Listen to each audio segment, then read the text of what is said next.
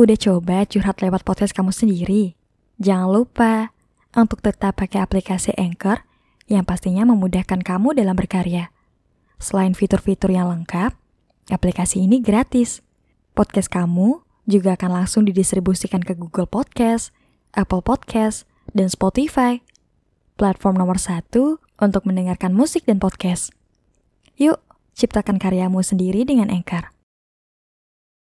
Tahun ini, saya berkesempatan pulang ke kota di mana saya menghabiskan masa SMA di sana.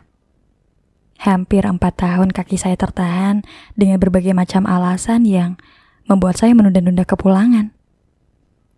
Terharu, sedih, dan rindu ketika akhirnya saya kembali kemari. Banyak hal yang pernah terjadi di sini. Salah satunya tentang Cinta pertama. Kisah kasih di SMA yang orang bilang akan selalu berkesan indah dan selalu terkenang. Dan ternyata benar. Memang hubungan saya dan cinta pertama saya di masa SMA kala itu terasa sempurna dan sangat terkenang. Dan sepertinya kepulangan ini sekaligus untuk bernostalgia, mengingat-ingat seperti apa definisi bahagia pada masa itu.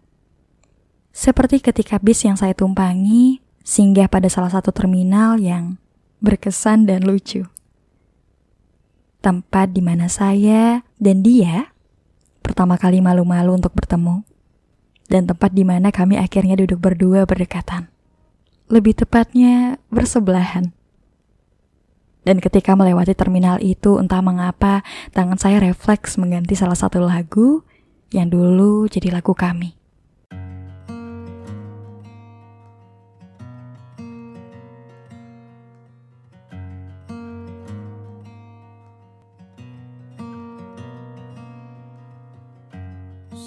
Lagu yang romantis yang kami dengar berdua menggunakan earphone bersebelahan. Mengingatnya membuat saya malu. Ya, saya masih ingat semuanya. Tentu saja. Karena tidak dipungkiri masa sulit yang saya jalani di kota ini dapat dia sembuhkan dengan keberadaannya. Saya mengingat bagaimana cara ia menghapus air mata saya bagaimana cara membuat saya berharga, bagaimana cara membuat saya tertawa lepas dengan lelucon recehnya. Bahkan ia sering ikut turun tangan membantu saya menghadapi dan memperbaiki sebuah kekacauan. Ya, dia layaknya pahlawan pada masa itu. Semasa di sini, saya sengaja mengunjungi beberapa tempat yang sering saya lewati bersamanya dulu. Tempat makan yang biasanya kami singgahi sepulang sekolah, toko kue yang dulu pernah saya buatkan kue ulang tahunnya bergambar Patrick. Jalanan yang dulu pernah kami lintasi saat bermain sepeda di Car Free Day. Tidak banyak yang berubah. Kota ini sama persis seperti empat tahun yang lalu. Dan hal yang sebenarnya membuat saya sedikit bersemangat untuk kembali ke kota ini karena seharusnya saya meninggalkan beberapa buku diari di sini. Karena jujur saja, saya orang yang senang bernostalgia. Itulah sebabnya saya menulis diary yang saya simpan dan akan saya baca kembali di beberapa tahun kemudian.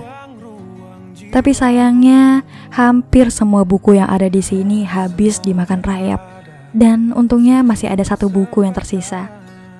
Buku yang penuh dengan tulisan-tulisan penantian dan ketika saya kembali membaca buku itu, saya tertawa dan geli sendiri karena kata-kata yang sangat alay jika dibandingkan dengan tulisan saya yang sekarang.